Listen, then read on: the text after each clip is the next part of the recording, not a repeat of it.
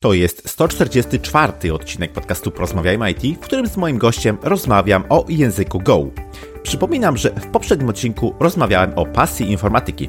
Wszystkie linki oraz transkrypcję dzisiejszej rozmowy znajdziesz pod adresem porozmawiajmyit.pl łamane na 144. Ocena lub recenzja podcastu w Twojej aplikacji jest bardzo cenna, więc nie zapomnij poświęcić na to kilka minut. Sponsorem podcastu jest firma Aptention, wiodący polski twórca produktów cyfrowych i wydajnych, skalowalnych aplikacji. Zerknij na ich portfolio na aptention.com łamane na portfolio. Sponsorem dzisiejszego odcinka jest również platforma rekrutacyjna Solid Jobs. Jeśli szukasz pracy w IT, koniecznie odwiedź adres solid.jobs. Znajdziesz tam tylko oferty pracy z widełkami wynagrodzeń. Jeśli aktualnie nie myślisz o znalezieniu nowej pracy, to koniecznie zapisz się na Job Alert. Otrzymasz regularne wiadomości e-mail z zestawieniem ofert, które mogą Cię zainteresować. Jeśli w swojej pracy dalej korzystasz z SVN-a, to koniecznie odwiedź Solid Jobs. W moim podcaście pytam gości o rekomendacje podcastów, których słuchają. Dziś sam mam jeden do polecenia. Tym podcastem jest Rootcoist by Vived. Vived to aplikacja, której misją jest pomóc programistom zarówno w bieżącym radzeniu sobie z nawałem informacji, jakimi codziennie zarzucani są programiści z takich źródeł jak Twitter, Reddit czy chociażby Hacker News, ale również strategicznie dbać o rozwój umiejętności kariery. Możesz znaleźć tam nie tylko swój osobisty, wyselekcjonowany przez siebie fit, ale także regularne, cotygodniowe przeglądy wiadomości pisane przez ludzi na co dzień pracujących w branży. Kolejną inicjatywą Vived, aby dostarczać informacje tam, gdzie są potencjalni odbiorcy, jest podcast Root Cause by Vived, którego sam chętnie słucham i do tego też Cię zapraszam.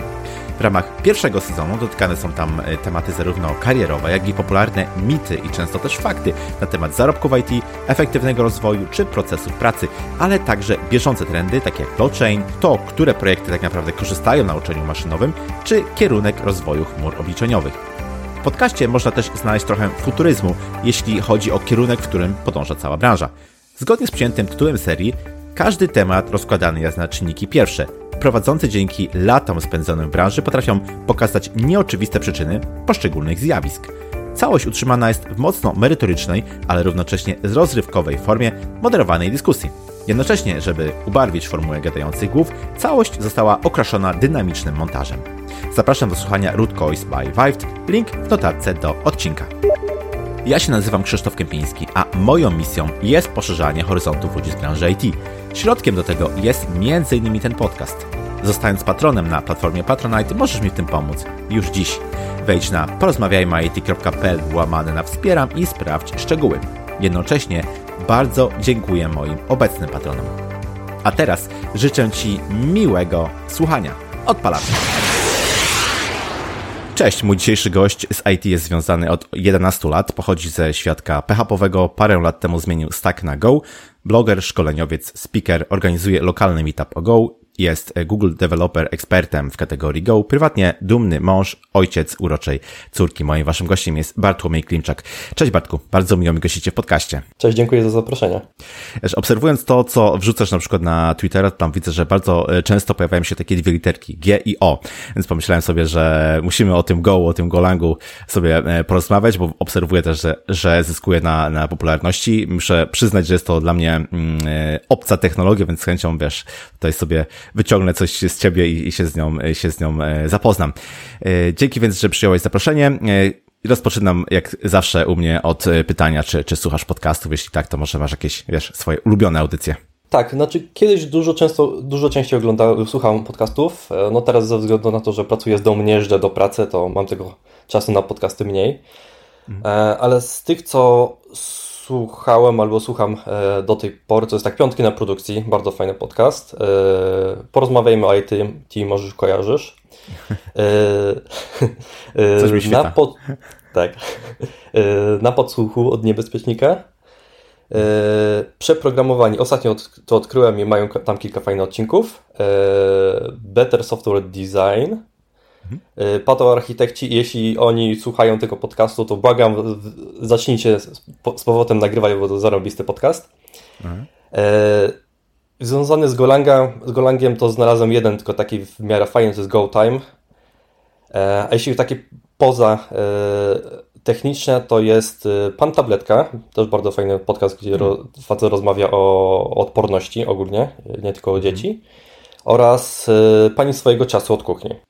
Pana tabletki nie znałem, ale gdzieś słyszałem, że faktycznie wiele osób już poleca, więc, więc muszę, muszę sobie zerknąć, co tam, co tam pan tabletka nadaje. Dzięki za te polecenia. Dobra, Bartek, to powiedz mi, mm, zanim zaczniemy sobie mówić jak gdyby o, o zapleczu Go, to powiedz, co Ciebie skłoniło do tego przeskoku e, z PHP do, do Go? Odpowiedź jest dość prosta. Trochę moja nieodpowiedzialność i troszeczkę na spontana, można, można tak to ująć. Okay. Wcześniej e, pracowałem właśnie w, dużo w PHP i byłem w firmie, gdzie byłem zmęczony bardziej e, tym, w jaki sposób się wytwarza oprogramowanie tam. I pomyślałem sobie, że jak już zmieniam pracę, to chcę trafić do fajnej pracy, niezależnie od technologii. Hmm. Więc wylądowałem w firmie, e, która się nazywa Brainy, gdzie mają tam 95% backendu napisane w Golangu. Ja kiedy aplikowałem, e, powiedziałem, że jestem w środku PHP, o Golangu wiem, że istnieje i że go stworzył Google. E. I czy, nie, czy to nie jest żaden problem? Powiedzieli, że spoko, nauczymy cię. E, I okazało się, że mnie przyjęli i, i tak, tak mniej więcej wyglądała moja, e, moja zmiana e, z języka z PHP na Golanga. No i tam zacząłem pisać od razu e, aplikacje biznesowe i gdzieś tak po miesiącu myślę, że nawet zacząłem lubić ten język, bo pierwsze trzy, mhm. Trzy, miesiące, trzy tygodnie na pewno to był taki walka ze starymi nawykami, ale po miesiącu załapałem o co w tym języku chodzi i już nawet przestałem z nim walczyć. A gdzieś tak po paru miesiącach nawet go lubię. Ciekawe, ciekawe. To jest e, właśnie e, coś takiego, że często nie doceniamy, jak takie z pozoru przypadki decydują później o naszym życiu, że wiesz, coś, coś, coś się dzieje, co później no, wpływa na ileś tam lat, na przykład naszej kariery zawodowej, nie? I tak było w twoim przypadku, ale wydaje mi się, że musiałeś, musiałeś tego Golanga naprawdę polubić, bo teraz no, sporo też e, robisz w tym, w tym kierunku, też takiej popularyzacji, czy w ogóle dzielenia się różnymi rzeczami, które gdzieś znajdujesz na temat tej e, technologii, więc musiał ci przypaść faktycznie do gustu, więc może to jednak taki przypadek nie był. Tak. Um, ale może nie był, ale nie no. miałem innego wyboru, go polubić, bo tam wszyscy pisali w Golangu, więc jasne, musiałem jasne. go polubić. Jasne, jasne. Okej. Okay. To tak zacznijmy może historycznie, e, gdybyś powiedział parę słów o tym, jak ten język e, powstał, jak wygląda jego, wyglądała jego historia, kto i w jakim celu właściwie go stworzył. E, tworząc długą historię krótką, można powiedzieć, że było sobie w Google e, trzech gości, którzy sobie zanotował nazwiska, Robert Gristemer, Rob Pike oraz e, Ken Thompson, którzy byli już mocno zmęczeni tym, w jaki sposób piszą aplikacje właśnie dla Google'a, gdzie większość skupia, w większości skupiali się na C++. I bardzo mi się nie, podobało to, w jaki sposób E, ten język wpływa na produktywność programistów. E, na przykład jeden taki wyzwań, które mieli, to przy jakichś większych projektach kompilacja e, C++ aplikacji trwała godzinę, dwie albo nawet, nawet cały dzień. Co się może wydawać dość dziwne, ale w tamtych czasach, te powiedzmy 15 lat temu, to chyba nie było jeszcze aż tak rzadkie. Więc zaczęli się rozglądać po internecie w poszukiwaniu jakiejś alternatywy, no i nie znaleźli nic, co by mogło spełniać ich wymagania. E, bo nie tylko czas kompilacji mm, był problemem, ale też to, że ten język C czy C++ e, mają bardzo dużo nale naleciałości i są dość e, skomplikowane. Więc szukali czegoś prostego, szybkiego, gdzie ten developer experience będzie jak najlepszy. No nie znalazło mi się na tamten moment znaleźć niczego ciekawego, więc zaczęli tworzyć specyfikację języka, który uważali, że miałby sens. Mhm. Co chyba im zajęło około roku. Gdzieś po roku przyszedł do nich, właśnie nie pamiętam, który dokładnie z tej trójki, powiedział: Widziałem waszą specyfikację i gdzieś tam na kolanie w międzyczasie napisałem do, do niego kompilator. Bo, bo mi się spodobało. I, i tak, tak, e, takie są początki Golanga. ciekawe, ciekawe. Mm, co byś powiedział na temat zastosowań, gdzie on jest używany? Bo ja muszę przyznać szczerze, że takie pierwsze skojarzenie, które mam, nawet niestety jedyne skojarzenie e, z tym językiem, to jest, wiesz, to są takie zastosowania serwerowe. Właśnie jako taki być może następca, taka lepsza wersja gdzieś, wiesz, tego C, nie? Że, że to, to, to gdzieś tam siedzi na serwerze. Um, dlatego powiedz proszę, gdzie się, gdzie się ten język stosuje obecnie. Stosuje się go, znaczy można go zastosować wszędzie. Nie ma e, jakichś takich ograniczeń, gdzie jego nie można użyć. E, to jest język ogólnego zastosowania. E, powstał z myślą o chmurze, e, więc dlatego twoje, te twoje skojarzenia z tą chmurą infrastrukturą, bo został, z myślą, został stworzony z myślą o chmurze, a sto, korzysta się go z, w bardzo wielu obszarach, znaczy, najwięcej, jest chmura. Później bym powiedział, że są e, narzędzie CLI, e, takie jak na przykład Docker, Terraform i, i tym podobne. E, potem mm, tu pewnie niektórych zaskoczę, to są aplikacje biznesowe. E, widziałem też, e, że można w Golangu pisać, kompilować go do WebAssembly, więc można tworzyć aplikacje, aplikacje webowe. Można pisać aplikacje desktopowe, takie zwykłe, są też bindingi do biblioteki Qt, więc mhm. mam, mamy też całą cały ten toolchain też dostępny pisząc w Golangu. Więc mhm. jest, jest też projekt, który się nazywa TinyGo, który jest takim bardzo okrojonym, okrojoną wersją Golanga, która się, która się, która się skupia na E, urządzenia wbudowanych, więc można sobie Malinkę czy Arduino też programować w Golangu. Myślę, że o takich plusach tego języka jeszcze za chwilę będziemy sobie rozmawiać, ale czymś takim, co się na pewno gdzieś tam przebija, jest e, ta wydajność e, i to gdzieś tam przemawia, powiedzmy, do, do, do, do, do rozumu. Natomiast, no, ja osobiście znam takie zastosowania języka Go, gdzie on jest jakimś elementem szerszego staku i najczęściej jest wykorzystywany tam właśnie, gdzie ta wydajność, ta, ta, ta konkurencyjność jest powiedzmy e, potrzebna, nie? Tam, tam się go zaprzęga do, e, do pracy. Czy ty myślisz, że, że, że Go jest, e, jest albo będzie powiedzmy rozpatrywany jako taki język klasy powiedziałbym enterprise, czyli wiesz, w bankach, w różnych firmach ubezpieczeniowych, w dużych instytucjach. Czy, czy to się już dzieje albo jest szansa, że faktycznie będzie tam adaptowany? E, chcąc, nie chcąc, Golang tam już prawdopodobnie działa, bo pewnie działają na Kubernetesie albo korzystają z, z Dockera. Mhm. E, a jeśli chodzi o, o to, czy aplikacje biznesowe w banku, czy jakichś e, e, aplikacjach finansowych, e, to tak. Wiem, że na przykład w All Your Bank na pewno piszą w Golangu. W innych bankach wydaje mi się, że też. E, więc nie, wiem, że ten y, Golang nie jest jakiś bardzo popularny, ale mimo wszystko tam właśnie, gdzie ta wydajność jest ważna, a na przykład nie ma nikogo, kto by na przykład zjadł zęby na optymalizacji na, y, w JVM-ie, to łatwiej jest przerzucić się na Golanga i skorzystać z jego dobrodziejstw, niż właśnie wgryzać się w te niuanse JVM-a czy .NETA. Jasne, czyli powiedzmy do takiego, jeśli chodzi o taki wybór czegoś od początku, to być może to jest właśnie lepsza, lepsza technologia, jeśli mamy powiedzmy taką możliwość e, wyboru, nie? Mhm. E, dobra, ale wiesz, no język jak gdyby sam, język sam w sobie jeszcze nic nie zdziała, nie? E, to jest jak gdyby oczywiście ważne, żeby on był oparty na jakichś tam dobrych e, praktykach, żeby, żeby dawał też ten developer experience na odpowiednim poziomie, no ale to jest jak gdyby jedna rzecz.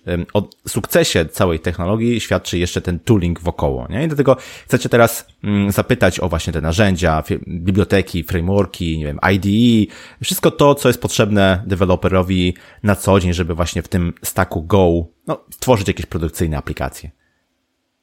No to, mm, żeby stworzyć jakąś produkcyjną aplikację, to, to, tak naprawdę potrzebujemy e, binarki z Go oraz jakikolwiek inny, e, jakikolwiek edytor tekstu. I tak naprawdę mamy wszystko, e, takie podstawowe, wszystkie podstawowe narzędzia, które nam pozwolą pisać w tym Golangu, bo w tej bibliotece, w tej binarce Go mamy cały kompilator, linker, mamy też tule na przykład do uruchamiania testów, do do profilowania aplikacji i tym podobne, więc w standardzie dostajemy dość sporo. E, jeśli chodzi o e, biblioteki, to od pewnego czasu można powiedzieć, że jest wysyp. Zdarzają się e, średniej jakości tej biblioteki, ale ogólnie z racji tego, że ten język jest dość prosty i ciężko jest w niektórych momentach e, zepsuć to, jak można było to zepsuć, zepsuć w innych mm. językach, więc jakość na przykład w porównaniu z, z innymi ekosystemami powiedziałbym, że jest spoko. Nie, nie ma rewel, nie, rewel, nie, rewelki nie ma, ale jest spoko. Mhm. Do, jeśli chodzi o, o to, jakie to są biblioteki, to jeśli się pisze właśnie mm, e, rzeczy bliżej, bardziej DevOpsowe, to się powinno znaleźć prawie wszystko, bo to jest, mhm. bo to jest e, takie e, konik tego języka, więc jeśli się pisze jakieś CLI albo rzeczy, które działają po stronie infrastruktury, to bardzo dużo już rzeczy już tam jest napisanych. Jeśli chodzi o rzeczy na takie typowo webowe, to E, są biblioteki, ale nie myślcie o tym, że znajdziecie tutaj jakiegoś mm, przeportowanego Spring Boota albo Symfony z PHP albo, albo w stylu, czegoś takiego nie ma. Mhm.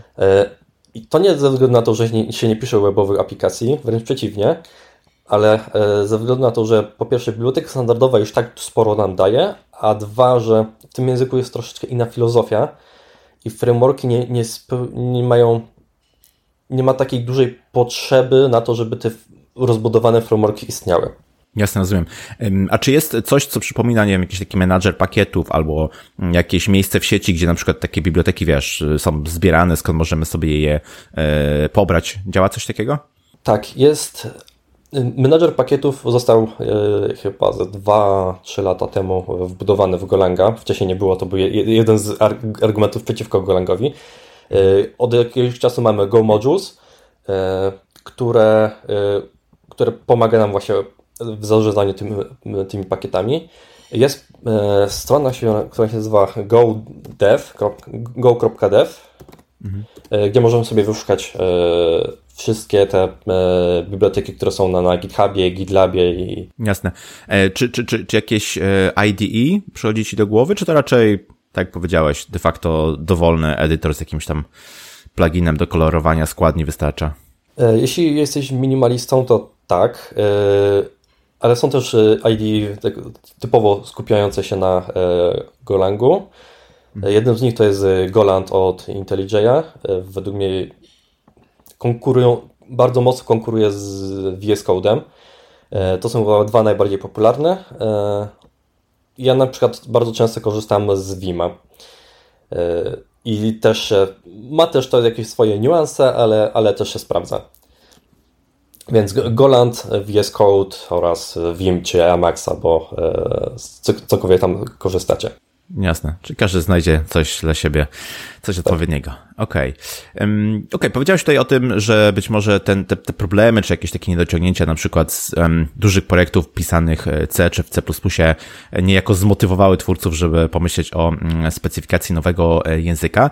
E, chcę cię teraz zapytać o to, czy jest coś takiego unikalnego w Go, czymś, czym mocno różni się od innych e, języków, języków lub coś, w czym, no nie wiem, no bardzo przypomina na przykład inne języki. Chodzi mi o to, żeby gdzieś na, e, wiesz, krajobrazie tych różnych języków osadzić Go. Czy to jest coś bardzo unikalnego, czy mimo wszystko czerpie z jakichś, wiesz, wcześniejszych technologii? Tego, co wiem, to w twórcy Golanga nie wymyślili niczego nowego. Mm. Jeśli chodzi o filozofie, które są w tym języku, nie ma tam e, niczego, co nie było wymyślone w latach 70., 80. E, wydaje mi się, że taką największą unikalnością tego języka to jest e, filozofia. A filozofia skupia się przede wszystkim na tym, żeby ten język był prosty.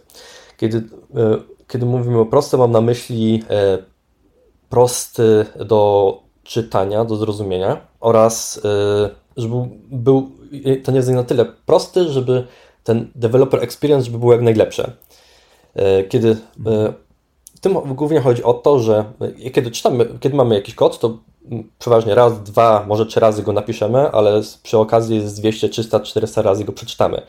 Więc e, w Golangu bardzo się skupia na, to, na tym, żeby się go jak najlepiej czytało, co też ma swoje konsekwencje w tym, że wielu rzeczy w tym języku nie ma. I to jest E, jeden z takich argumentów przeciwko e, Golangowi, czyli mhm. argument w, w, rękach hejterów Golanga, że bardzo rzeczy w tym języku, języku nie ma. E, I w tym języku tych rzeczy nie ma, ze względu na to, że starają się trzymać ten język jak najprostszy. Mhm. Bo dodanie każdego nowego feature'a wiąże się z tym, że automatycznie język staje się bardziej skomplikowany, E, potrzeba trosz, troszeczkę więcej czasu, żeby, e, żeby się nauczyć e, nowej składni, mechanik, które tam działają pod spodem i tym podobne. Więc żeby ograniczyć ten próg wejścia autorzy starają się stworzyć go jak najprostszy. Jasne. Myślę sobie, że też utrzymanie później takiego języka, który ma mnóstwo feature'ów jest po prostu trudniejsze. Trzeba myśleć o tej kompatybilności wstecznej i tak dalej, i tak dalej. No, z tego, co, co ja obserwuję, po prostu rozwój um, języka, który co chwilę dostaje nowe, nowe feature'y, no gdzieś tam w pewnym momencie zwalnia e, bardzo, bo jest ten, ten bagaż jest, jest straszny, który trzeba gdzieś tam ciągnąć za sobą, nie? Pamiętam, e, jeden z moich znajomych opowiadał historię, kiedy e, on pisze bardzo dużo w JVM-ie, w Javie, I miał te, taki przypadek, że dostał, został poproszony o pomoc w znalezieniu jakiegoś buga, którego, z którym sobie deweloperzy nie mogli poradzić. Spędził nad tym sporo godzin i okazało się, że jeden z deweloperów, który oczywiście już nie, nie, pracuje w, nie pracował w tej, wtedy w tej firmie, w Javie napisał sobie swoją własną implementację jednej z anotacji, która, której nazwa wygląda prawie że identyczny niż ta, która mhm. działa w bibliotece okay. standardowej. I po prostu jak czytali ten kod, to nie zauważyli tej różnicy, i, mhm. a, a, a tam był jakiś błąd, e, mhm. Co spowodowało, że bardzo dużo czasu spędzili na samym szukaniu błędu, kiedy e, na przykład w Golangu takiej rzeczy e, nie znajdziesz. W sensie w tym języku jest bardzo mało magii.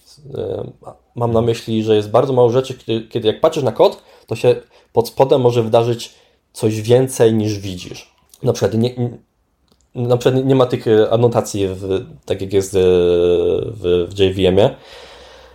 No, myślę, że dla większych projektów to ma wtedy bardzo duże znaczenie, nie? że im więcej tej magii, teoretycznie wydaje się, że to przyspiesza produkty zwiększa produktywność, przyspiesza development, ale później niestety, jak już wchodzimy w taką bardziej fazę utrzymania, no to przysparza sporo problemów, nie?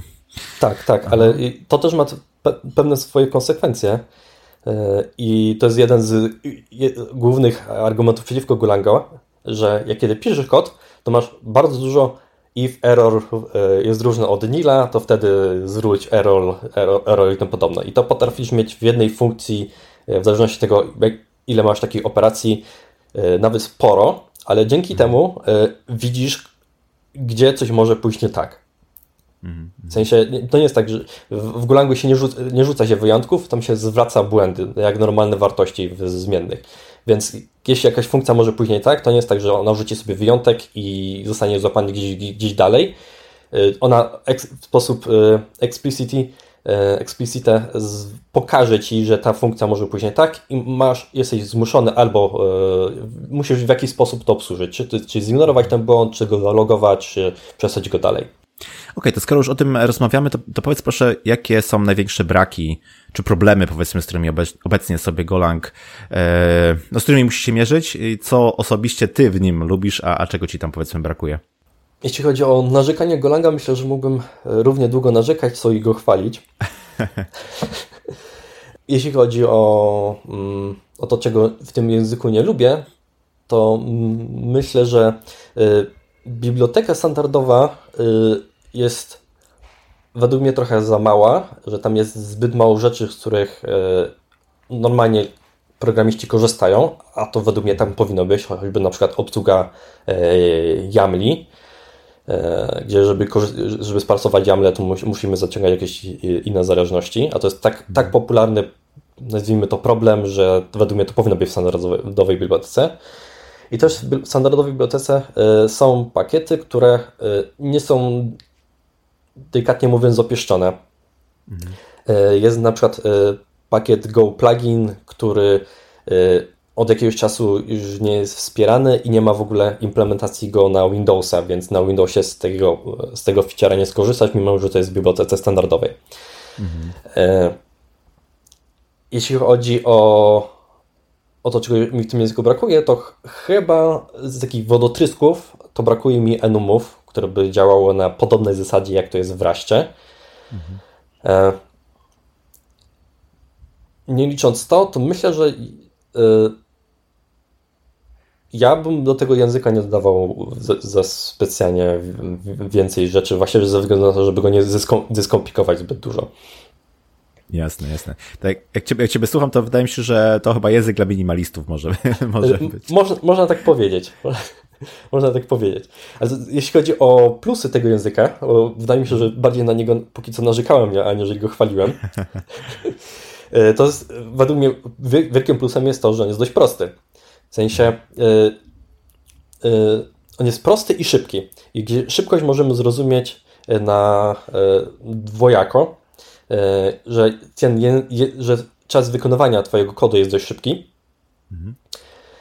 oraz to, że na przykład kompilacja jest ba też bardzo szybka. Właśnie ze względu na to, że język jest prosty, to można go szybko sparsować, szybko skompilować i nie ma tam żadnych E, niepotrzebnych e, kroków pomiędzy, które by mogły wydłużać czas kompilacji. Mhm. Kolejnym takim plusem według mnie jest to, w jaki sposób działają interfejsy. One bardzo podobnie działają jak w TypeScriptie, gdzie w przeciwieństwie na przykład do Java, kiedy się definiuje klasę, to musisz napisać, które interfejsy ona implementuje. Tak. Tutaj działa to trochę na odwrót, że tworzysz sobie strukturę, bo klas nie mamy, e, tworzysz sobie strukturę z jakimiś tam metodami i w miejscu, gdzie, gdzie chcesz z tej struktury korzystać, to albo możesz powiedzieć, że chcesz dokładnie tą strukturę, albo sobie zdefiniujesz mały interfejs, która ta struktura będzie implementować i po prostu w, y, y, w swoim kodzie wrzucasz to, tą swoją strukturę, która implementuje ten twój interfejs. I to jest według mnie bardzo duży plus ze względu na to, że w tych językach Java, C Sharp, PHP i całe resztę, musiałeś zawczasu stworzyć te interfejsy i bardzo często te interfejsy, właśnie ze względu na to, żeby one były zawczasu musiało spełniać troszeczkę na przykład więcej roli, to one, albo musiałeś stworzyć ich dużo, albo jeden trochę większy. Mhm. W Golangu ten problem właśnie został tak rozwiązany, że, e, że możesz sobie jako e, klient jakiegoś API stworzyć sobie interfejs, który po pierwsze będzie dużo łatwiej zamokować, bo będzie miał mniej metod, a dwa, że się możesz łatwo, łatwo wyabstrahować i wyciągnąć z tej e, z tych struktur, z tych funkcji tylko to, co potrzebujesz tak naprawdę. Kolejnym takim dużym plusem, z którego Golang słynie, są gurutyny. Mówi się o gurutynach, które to są takie małe wątki. Y, trochę to prawda, trochę nieprawda. Ale ogólnie chodzi w tym o to, że nie mówimy temu, z poziomu tego języka, że chcemy, żeby na przykład ta operacja wykonała się w oddzielnym wątku, tylko po prostu tworzymy sobie gorutynę, która wykonuje jakiś kod na zasadzie wykonaj mi ten kod kiedyś, wtedy kiedy znajdziesz czas, na tak, jakimś procesorze, który akurat będzie wolny i ja po prostu na przykład jestem zainteresowany tylko wynikiem i czekam na wynik. I e, prostota tego języka polega na tym, że właśnie my w ogóle nie zajmujemy się e, tak niskopoziomowymi rzeczami e, jak tworzenie wątków, zamykanie wątków i tym podobne. Tym wszystkim zajmuje się runtime. Jesteśmy zwolnieni, zwolnieni z tego. My tylko informujemy, że, e, że chcemy, żeby ta operacja się wykonała i, e, i, że, i że czekamy na e, informację zwrotną, kiedy to się skończy. I dzięki temu, że to działa w taki sposób, ten scheduler może stosować różnego rodzaju triki, polegając na tym, że na przykład na, na jednym wątku powiedzmy, że ma do, dostępnego tylko jeden wątek, więc żeby ten nasz kod się e, wy, w miarę szybko wykonywał, to może sobie, ma na przykład powiedzmy 10 gołrutyn e, odpalonych, mhm. to na tym jednym wątku po kolei, po, powoli wykonuje sobie każdą z tych go, gorutyn, dzięki czemu mam takie wrażenie, że to się wykonuje równocześnie, a kiedy i tych y, wątków bardzo, bardzo często jest więcej, to wtedy on potrafi sobie przerzucać między y, wątkami w dość sprytny sposób, żeby tam y, żeby na przykład go rutyna nie skakała zbyt często między wątkami i tym podobne i my się całkowicie tym nie, nie, nie przejmujemy. Jesteśmy z tego zwolnieni, tylko mówimy, informujemy o tym, że chcemy coś odpalić i jesteśmy, jesteśmy zainteresowani E, wynikiem tego i po prostu e, ty, ty, to, ty to wykonaj za mnie na takiej zasadzie. Mm -hmm. Bo można powiedzieć, że fire, fire and forget. Jeśli chodzi o takie e, in, inne fajne feature, to to, że w Golangu też mamy GC, Mhm.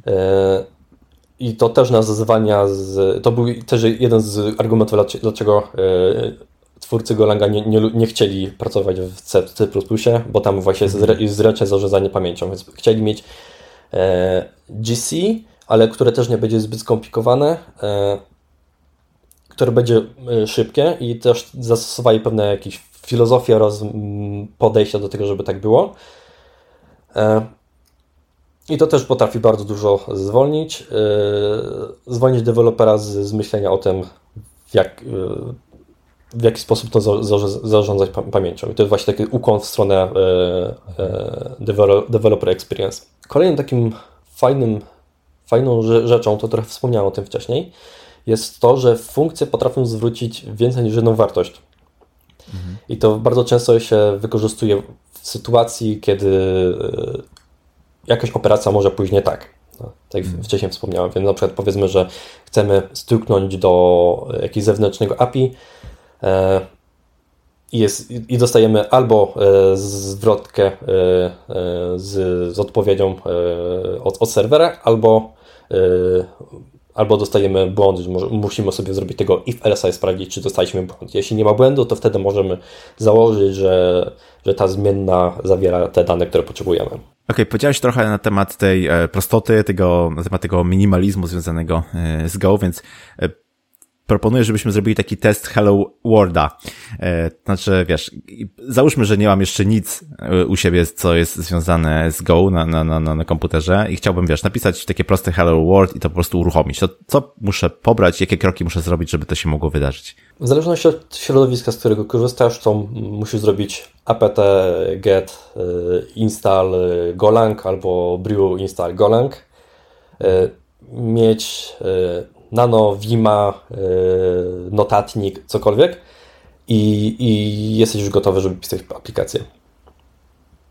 To, to jest ba właśnie bardzo fajne. W, w porównaniu na przykład z, z PHP czy z tego co wiem, co w JVM, to y, w JVM dostajesz tylko y, kompila kompilator, y, środowisko do uruchomienia i tym podobne, ale żeby na przykład uruchamiać e, testy, to musisz ściągać e, JUnita albo tam PHP Unit albo cokolwiek innego. A tutaj mamy to od razu wbudowane, więc od razu możemy test, pisać testy, e, uruchamiać aplikacje, profilować, robić jakieś parę innych cudowianek, nazwijmy to.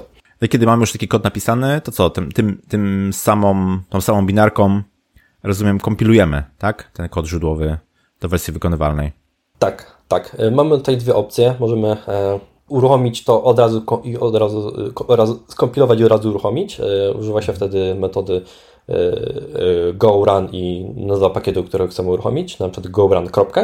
On wtedy automatycznie kompiluje i uruchamia naszą, naszą aplikację. Jeśli chcemy tylko zbudować, to wpisujemy go, build i tyle. Mhm. Dostajemy binarkę. Co to jest jeszcze też fajne w, w Golangu, zapomniałem o tym powiedzieć, kiedy ten język chwaliłem, to to, że mamy możliwość kompilowania do bardzo wielu architektur i, środowisk y, wprost z swojej, e, swojego komputera. W sensie, mając binarkę Go, jesteś w stanie skompilować na Windowsie aplikację pod Maca, pod Unixa i tym podobne, tylko kwestia zmiany parametrów podczas budowania i tyle. Więc to też potrafi bardzo ułatwić życie. Bo na przykład w C, C czy C++ to już potrafiło e, być dość problematyczne. W Golangu to jest prawie że trywialne. Okej, okay, no faktycznie szybko przeszliśmy przez to pytanie i mam kolejne związane też właśnie z prędkością, bo gdy popatrzy się na, na logo Golanga, no to tam widać, widać takie pędzące go, tak? Tam widać faktycznie, że ten podmuch wiatru za go e, ma miejsce. E, no i ten, wiesz, co by nie mówiąc, e, jak się chociażby poczyta trochę dokumentacji, no to ta, ta szybkość gdzieś tam jest podkreślana, nie? Jako taki jeden z tych, z tych atutów, to już też o tym tutaj mówiłeś. Mm, w związku z tym mam pytanie do Ciebie, czy w tym świecie, w którym teraz żyjemy, gdzie te procesory są, właściwie maszyny mają wiele procesorów, albo wręcz wiele korów w ramach jednego e, procesora, gdzie zapotrzebowanie na moc obliczeniową rośnie i tak dalej, i tak dalej. To czy myślisz, że właśnie ta natut szybkości w przypadku Golanga jest tym, co przyciąga firmy, co przyciąga deweloperów, żeby jak najlepiej ten sprzęt, ten krzem gdzieś tam pod spodem wykorzystywać?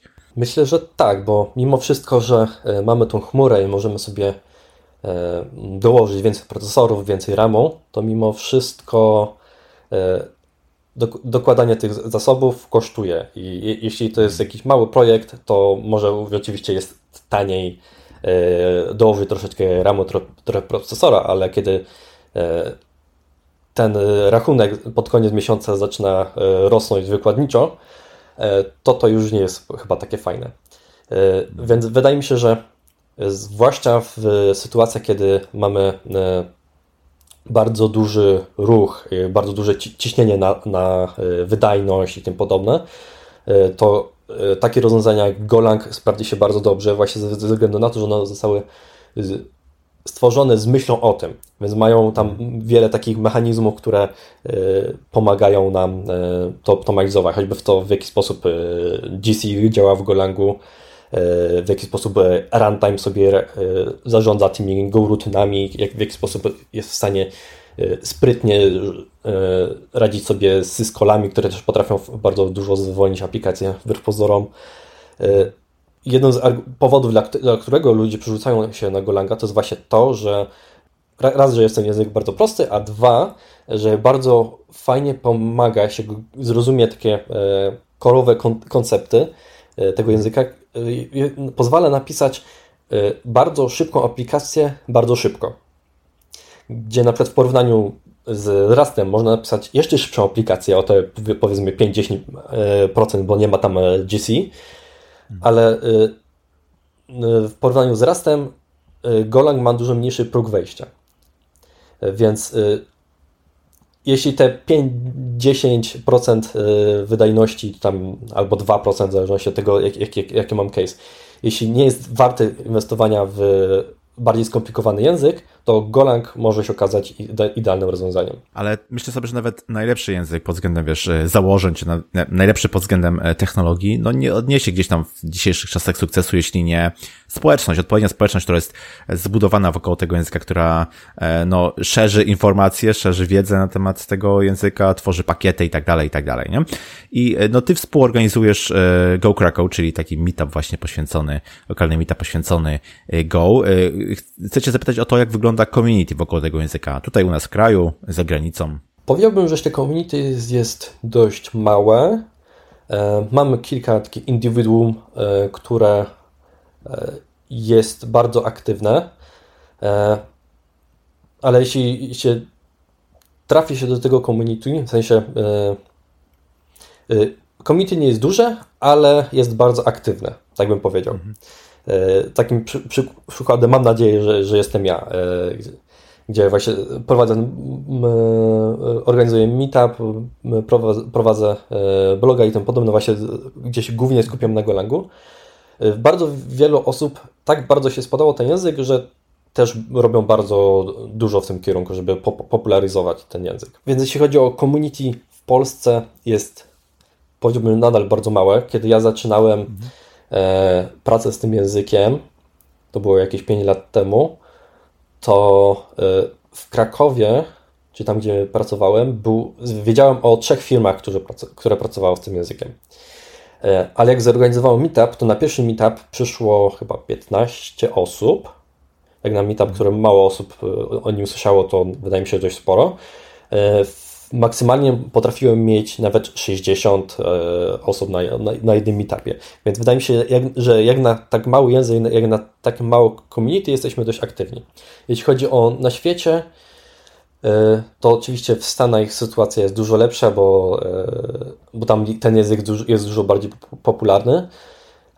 Jeśli chodzi o Europę, to podobnie jak w Polsce jest, jest jeszcze małe w porównaniu z, z PHP, e, z Java e, i tym podobne, ale według mnie bardzo prężnie się rozwija i, e, i, i myślę, że, że ten trend się na pewno utrzyma, widząc potem, jak, jak ten język zbiera, zdobywa popularność. Powiedziałeś tutaj, wspomniałeś o firmach wykorzystujących Golang.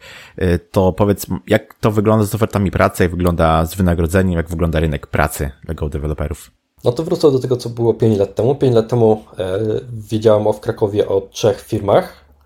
E, teraz wydaje mi się, że e, co druga firma IT e, ma jakiś golangowców w sobie. Mm -hmm. Przynajmniej w Krakowie. E, właśnie ze, ze względu na to, że ten język raz, że mm, jest uznawany może trochę jako sexy, jest trochę taką ciekawostką, ludzie są ciekawi, dlaczego ludzie go tak chwalą, czy ta prostota rzeczywiście jest taka fajna. A dwa, że ten język potrafi, skoro odnosi sukces, znaczy, że w tych sytuacjach, z którego z niego korzystają, to się rzeczywiście sprawdził. Rozumiem. A jeśli porównujesz wynagrodzenia właśnie, to jest ciekawa rzecz? Tutaj jest troszeczkę może zakłamane, bo teraz jesteśmy w świecie e, covidowym.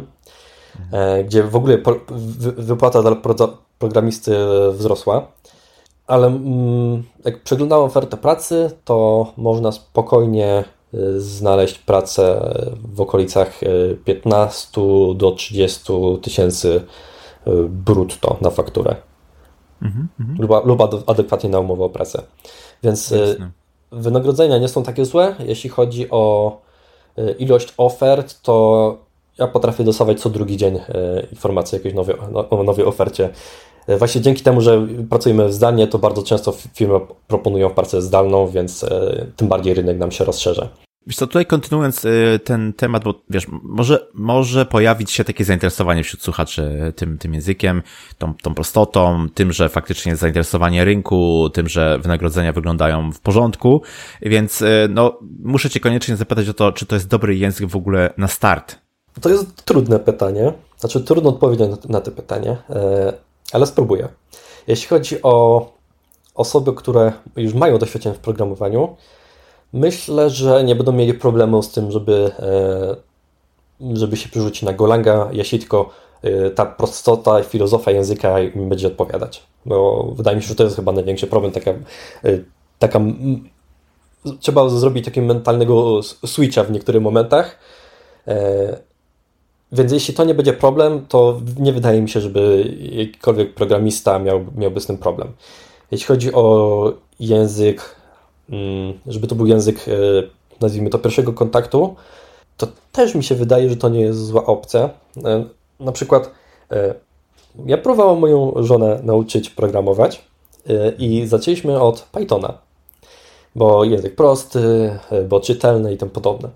I co ciekawe, odbiła się nie od samego języka, ale od tego, że, że musiała e, na przykład stworzyć sobie tam, e, e, nie, nie pamiętam jak się nazywa, takie środowisko wewnątrz per projekt.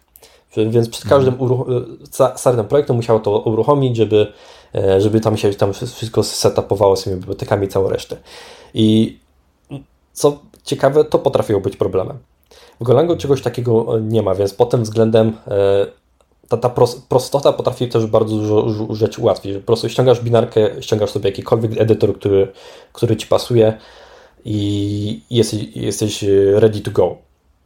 Mhm. E, jeśli chodzi o, o to, że ten język jest, prosty, to też mi się wydaje, że to będzie bardzo duży plus, bo ja zauważyłem, że osoba, która pisze e, w Golango powiedzmy od miesiąca, to jego kod nie, nie różni się znacząco od osoby, która e, programuje w tym języku 5 lat albo napisała ten kod, e, mhm. pisała swój kod 5 lat temu.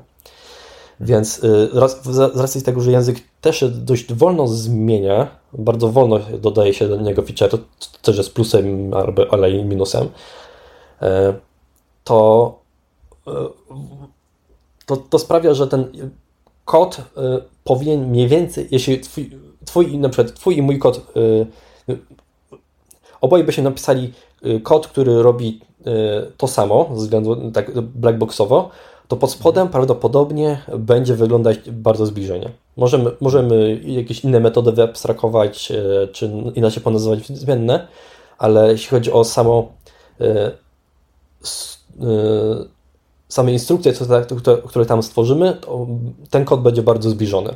I to mi się wydaje, że to już jest bardzo duży plusem, bo nie ma, bo nie, nie będzie czegoś takiego, że, e, że jakiś senior zastosował jakiś feature w języku, który wyszedł tydzień temu i junior dopiero się nadrabia feature'y z, z Java, na przykład dziesiątki, a teraz jest na przykład piętnastka, nie?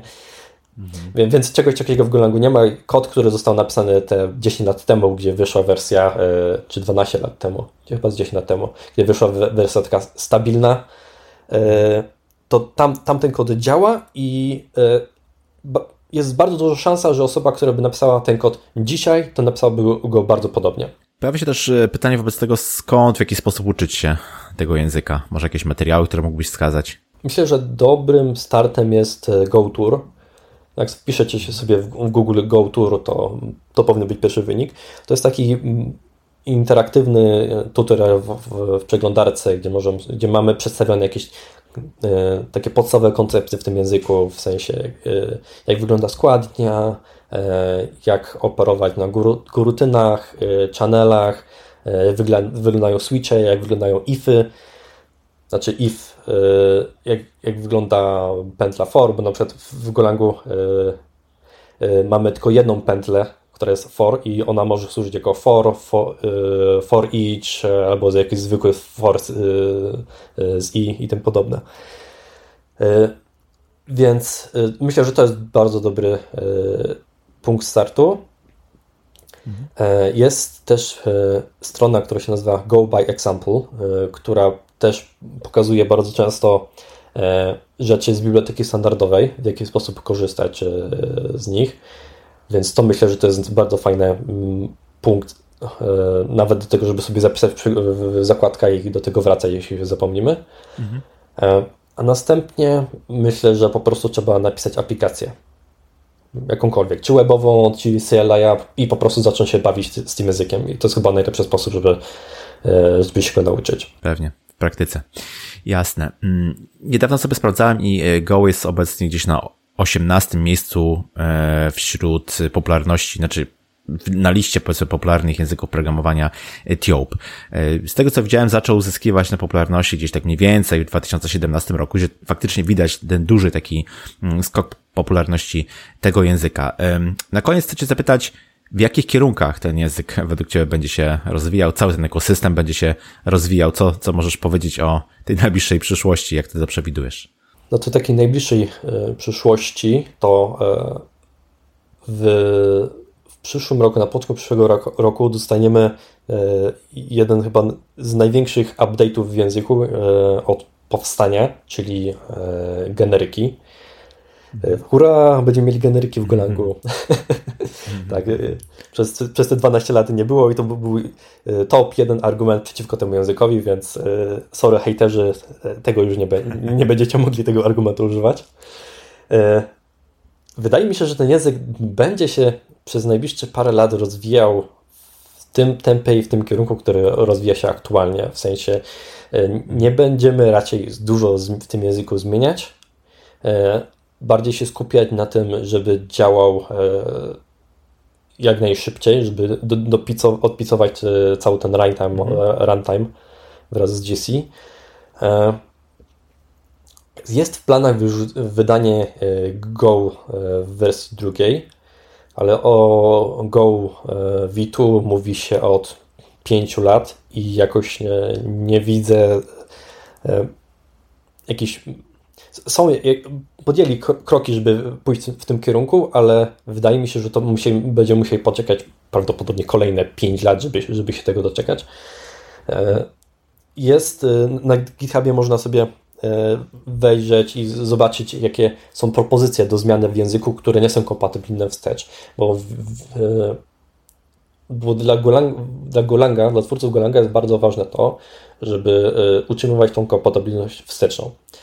Więc y, ta wersja, tą wersję vid tu odwlekają, y, można powiedzieć, jak najbardziej, ze względu na to, że chcą, żeby ten y, po pierwsze przejście z jedynki na dwójkę było jak, jak najlepsze, a dwa, żeby ta pierwsza wersja, żeby wystarczająco mocno się rozgrzała, żeby znaleźć naprawdę wszystko, co można było poprawić w tym języku, a nie mogą, bo, bo ta kompatybilność wsteczną. Kiedy kiedy już dokończą wszystkie te feature'y, które Golang powinien mieć i wtedy wydaje mi się, że dopiero będziemy mieli tą tranzycję do wersji drugiej. Ale to jest kwestia jeszcze pewnie paru lat. Jeszcze teraz wchodzą generiki, które są dużą rzeczą, więc y, więc y, generiki też będą musiały y, swoją mhm. drogę przejść. Później będziemy musieli mieć aktualizację w bibliotece standardowej, gdzie będziemy na przykład dodawać jakieś jakieś e, jakieś funkcje, czy struktury, czy co tam chcecie, które będą korzystać z tych generyków, to też będzie musiało chwilkę się rozgrzać, e, żeby to jakoś dopracować, więc e, nie spodziewałbym się rewolucji e, w najbliższych latach. Czyli taki ewolucyjny, powolny tak, wzrost. Mo można powiedzieć, że bardzo powolny. Bo na przykład z tego co wiem o generykach zaczęli mówić jeszcze przed tym, zanim opublikowali pierwszy kod źródłowy tego języka. Hmm. Więc to było powiedzmy okay. te 12-13 lat temu. Wtedy, Wtedy, wtedy ten y, zaczęli mówić, a może damy generyki, ale od, odwleki, od, odwlekali to aż do teraz, ze względu na to, że ten generyki, jeśli się to zrobi źle, to potrafią bardzo dużo skomplikować ten język. Mhm. A jak to chyba Rob Pike powiedział, no is per, tem, temporary, yes is permanent. Więc jeśli na coś się zgodzą, to to już zostanie w tym języku prawdopodobnie, prawdopodobnie na zawsze. Więc dlatego są tak ostrożni. Jasne, wprowadzaniu jasne. nowych rzeczy. Te, tak, teraz to, to ma sens, e, co powiedziałeś, że ten, ten rozwój jest e, powolny i raczej stara, twórcy starają się najpierw dopracować to, co jest, żeby pójść krok dalej.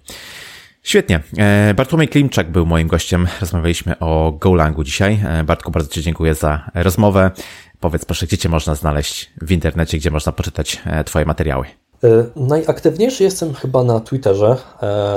Moje, moja nazwa użytkownika to jest e, kabanek, więc twitter.com slash kabanek. E, możecie mnie też znaleźć na blogu e, developer20.com